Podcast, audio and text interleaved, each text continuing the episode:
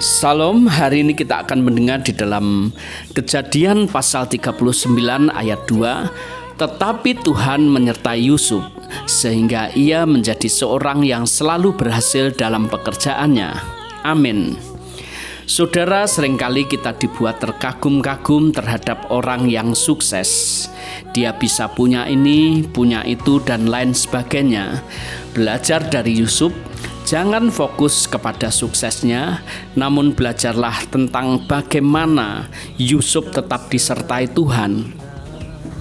Mengapa Yusuf begitu istimewa?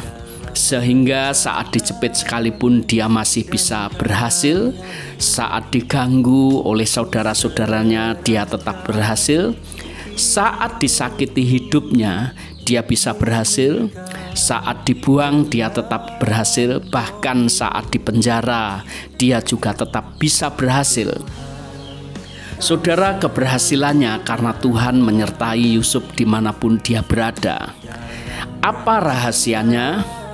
Di dalam satu ayat yaitu kejadian pasal 39 ayat 9 bagian B kita bisa melihat ayat ini apa yang sudah dilakukan Yusuf Ayat ini berkata, "Bagaimanakah mungkin aku melakukan kejahatan yang besar ini dan berbuat dosa terhadap Allah?"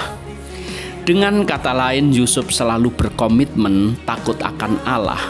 Itulah yang membuat Allah begitu menyertai, walaupun secara kasat mata jalan yang dilalui Yusuf adalah jalan yang terjal semata seolah-olah berbanding terbalik dengan mimpi yang dia terima dari Tuhan.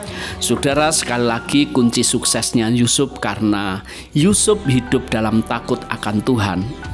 Pelajaran bagi kita, tetaplah pegang firman Tuhan apa pun situasinya. Puji Tuhan, Tuhan memberkati. Amin.